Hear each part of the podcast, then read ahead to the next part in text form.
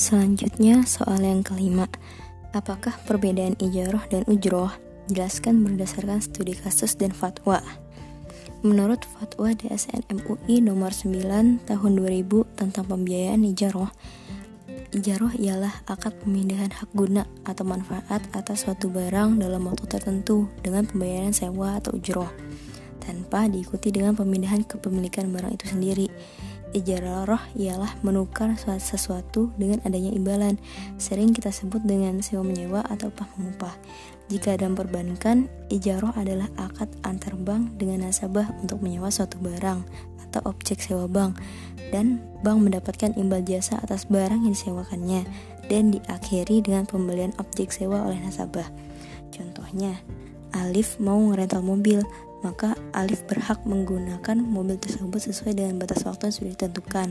Tapi, mobil tersebut bukan menjadi hak milik Alif, dan Alif baru harus segera mengembalikan mobil tersebut ketika masa sewa berakhir. Lalu untuk ujroh, menurut fatwa DSN MUI nomor 56 tahun 2007 tentang ketentuan review ujroh pada lembaga keuangan syariah bahas tentang peninjauan kembali terhadap besarnya ujroh atau upah dalam akad ijaroh atau sewa menyewa. Ujroh atau upah dapat didefinisikan sebagai harga yang dibayarkan pada pekerja atas pelayanannya dalam produksi kekayaan. Tenaga kerja seperti ini halnya faktor produksi lainnya dibayar dengan suatu imbalan atas jasa-jasanya. Dan kata lain, upah adalah harga tenaga kerja yang dibayarkan atas jasa-jasanya dalam produksi. Yang menentukan upah tersebut adalah mereka yang mempunyai keahlian atau kemampuan untuk menentukan, bukan standar yang ditetapkan oleh negara, juga bukan kebiasaan dari penduduk suatu negara, melainkan oleh orang yang ahli dalam menangani upah kerja ataupun pekerja yang hendak diperkirakan upahnya oleh seorang ahli. Menentukan besar upahnya disebut dengan khobaro'u.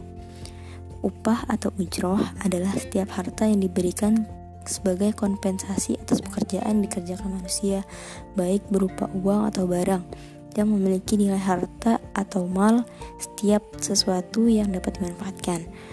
Upah merupakan imbalan yang diterima seseorang atas pekerjaannya dalam bentuk imbalan materi di dunia dan dalam bentuk imbalan pahala di akhirat.